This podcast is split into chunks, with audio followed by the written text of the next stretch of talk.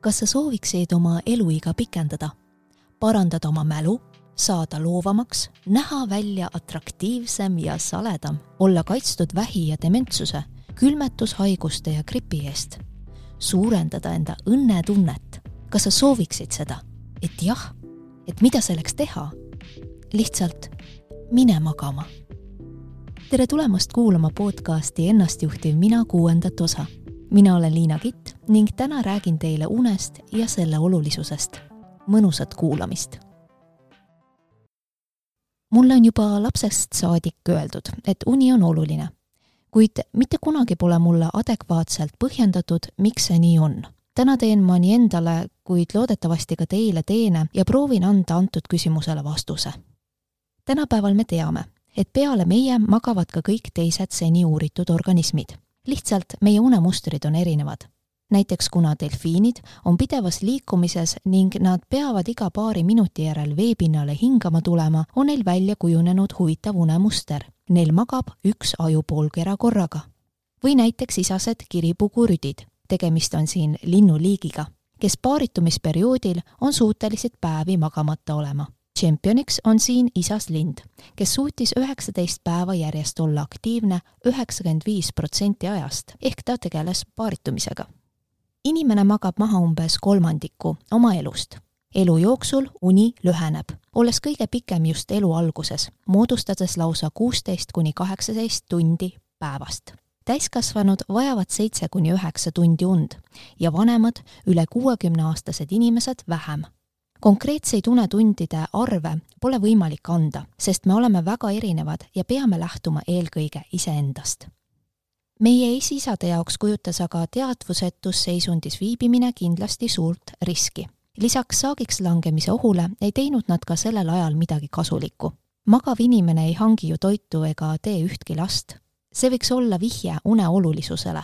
vaatamata enda ohtu seadmisele, nõuab aju ikkagi und kui kaua me siis öisel ajal nii-öelda ohus olime? esimene mõte oleks ehk pakkuda kaheksat tundi, sest see on täiskasvanud inimese tavaline unepikkus. Kuid see pole õige vastus, sest me ei tohi unustada, et kõik inimesed ei taha magada ühel ja samal ajal. me jaguneme laias laastus kolmeks grupiks. hommikuinimesteks, kes moodustab umbes nelikümmend protsenti ühiskonnast õhtuinimesteks, kes moodustab kolmkümmend protsenti ühiskonnast ja ülejäänud kolmkümmend protsenti inimestest jääb kuskile nende kahe tüübi vahele, kaldudes pigem õhtu inimeste poole. Need kolm on erinevad magama mineku ja ärkamise rütmid, mis on meie DNA-sse sisse kirjutatud ja pole meie vaba valik. loodus ei loo aga midagi niisama sest taoline unerütmide erisus andis meile minevikus suurema kollektiivse turvalisuse näiteks samal ajal, kui hommikuinimesed juba magasid, pidasid õhtuinimesed valvet. Oletades, et hommikuinimesed magasid õhtul üheksast hommikul viieni ja õhtuinimesed kella kahest öösel üheksa kuni kümneni hommikul, siis kahanes kollektiivselt haavatav aeg kaheksalt tunnilt neljale, mis kindlasti suurendas meie ellujäämisvõimalusi tänapäevases maailmas on õhtuinimesed pandud aga halba olukorda, kus nad peavad järgima hommikuinimeste ööpäevarütmi kuna hommikul õhtu inimeste aju alles magab, siis pole nad, no vähemalt hommikul, ka tõhusad tööl. Samuti vaevleb see inimgrupp ka rohkem unepuuduse käes, sest õhtul minnakse hiljem magama ja hommikul ärgatakse liiga vara, ehk vajaminevaid unetunde ei saada täis. Vähese une tulemusena on sellel inimgrupil statistiliselt ka rohkem depressiooni, ärevust, diabeeti, vähki ja ka infarkti. Seda teades on oluline järjest enam töökohtades hakata arvestama ka selle unerütmiga inimestega, sest selle tulemusena võidaks nii õhtuinimene, olles puhanum, tervem ja tööl produktiivsem, kui ka seeläbi loomulikult firma ise. miks me siis aga ikkagi magame? ühest vastust siin ei ole, kuid me teame järgmist. uni jaguneb laias laastus kaheks, N-REM ja REM-uneks. esimene on siis kiirete silmaliigutusteta non-rapid eye movement uni, mida nimetatakse ka sügavaks uneks ja mis jaguneb omakorda neljaks staadiumiks. ja teine on siis kiirete silmaliigutustega ehk rapid eye movement uni, kus me näeme unenägusid ja mille jooksul on aju aktiivsus peaaegu identne ärkveloleku aktiivsusega. seega pole energia säästmine tingimata une üks põhieesmärkidest nii NREM kui REM-uni vahelduvad öö jooksul ja seda umbes iga üheksakümne minuti järel. Öö esimeses pooles domineerib sügav ehk NREM-uni ja öö lõpuosas REM-uni. mis on aga nende funktsioon? öö hakul domineeriva sügava NREM-une tähtsaim funktsioon on harvendada ja eemaldada ebavajalikud neuronaalsed ühendused ehk nii-öelda praht välja reaalselt aga ka tegeleb aju päeva jooksul kogunenud jääkainete nagu lagundatud valkude ärakoristamisega. Neid on igas ööpäevas lausa nii palju gramme, et ühe aasta jooksul koristab aju ära enda massi võrra prügi. kui koristustööd ei toimuks, kahjustuksid meie DNA ja teised biomolekulid. nüüd REM-une unenägude staadiumi rolliks on aga alles jäänud ühenduste tugevdamine unevajadust võib võrrelda ka lihaste väsimisega kui teha lihaspingutust nõudvat tööd või trenni, siis lihased väsivad ja nad vajavad puhkust. Oluline on aga aru saada, et lihased ei väsi mitte seetõttu, et saavad kahjustada, vaid väsivad just selleks, et kahjustust ära hoida. seega on uni vajalik, sest ennetab närvirakkude ja aju potentsiaalseid kahjustusi. samuti toimub une ajal just sügava une faasis lühiajaliste mälestuste üleviimine pikaajalisse mällu. magamise ajal valib meie aju välja milliseid päevasündmused talletada ja neist pikaajaline mälestus luua. Öösiti suudab aju taas luua ka kaduma hakkavaid mälestusi magamatuse korral need protsessid aga ei tööta ja see häirib meie mälutööd, ehk kui me enne õppimist piisavalt ei maga, siis aju ei võta infot sama efektiivselt vastu ja kui me pärast õppimist piisavalt ei maga, siis ei salvesta info. mis juhtub aga veel, kui me korralikult ei maga? unepuuduse tõttu me funktsioneerime halvemini oleme emotsionaalselt ebastabiilsed ja unised. Uuringud näitavad selgelt, et liiga vähe maganud inimesed teevad halbu ja kaalutlemata otsuseid ning riskivad liiga palju.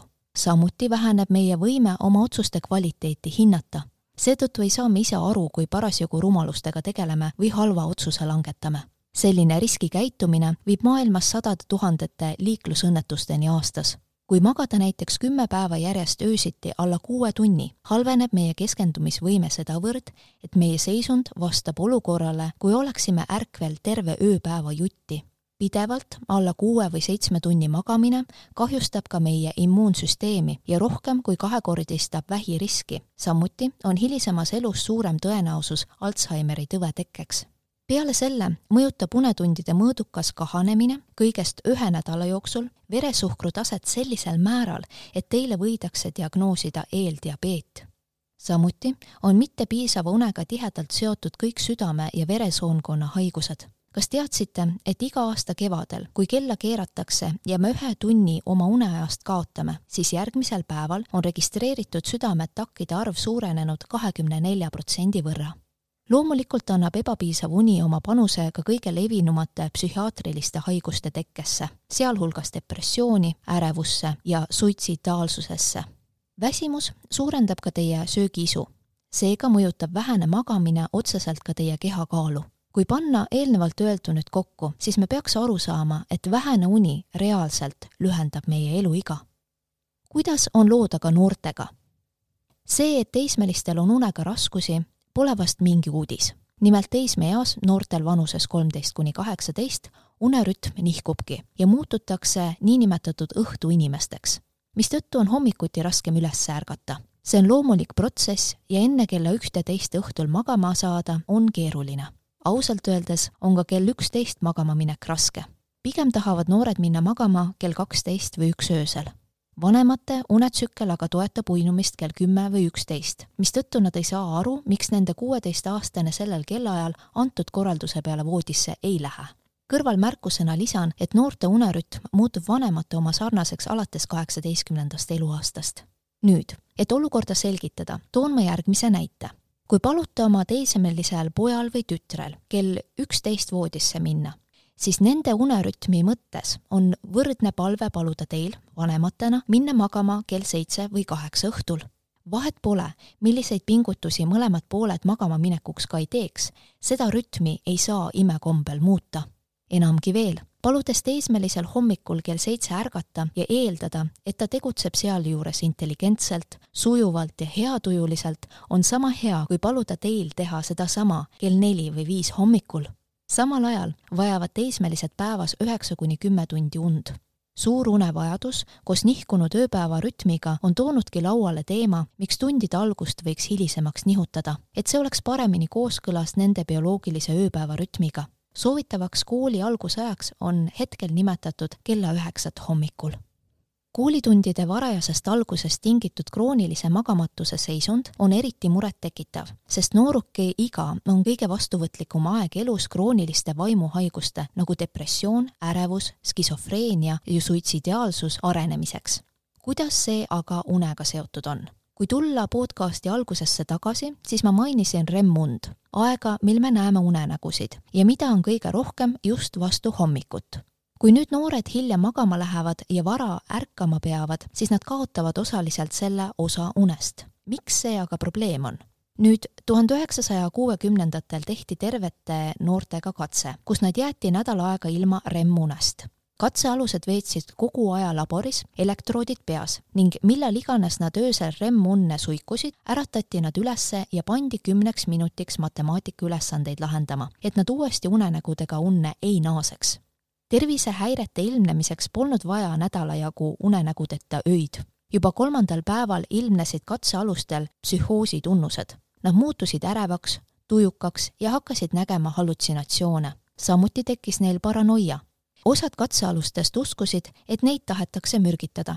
teised, et teadlased on salaagendid ja eksperiment kurja eesmärgiga vandenõu ja nii edasi pärast seda katset mõisteti, et REM-uni on see, mis eraldab ratsionaalsust hullumeelsusest. seega puudujääv REM-uni eristabki stabiilset ja ebastabiilset vaimset seisundit. peale selle mõjutab see ka noorte intelligentsust. üks Jaapanis läbi viidud pikaajaline uuring, mis jälgis rohkem kui viit tuhandet koolilast, avastas, et need, kes magasid kauem, said kõigis ainetes ka paremaid hindeid samuti on olemas kontrollitud uuringud, mis näitavad, et pikema unega lastel kujuneb aja möödudes välja kõrgem IQ. sama erinevus tuli välja ka siis, kui katsealusteks olid identsed kaksikud. seega suudab uni muuta ka geneetilist ettemääratust. on selge, et väsinud, alamaganud aju pole suuteline teadmisi vastu võtma, neid omandama ega tõhusalt meenutama noorte niinimetatud varajasteks lindudeks sundimine garanteerib, et kui teradeks oleksid teadmised või head hinded, siis vot neid teri nad küll ei noki.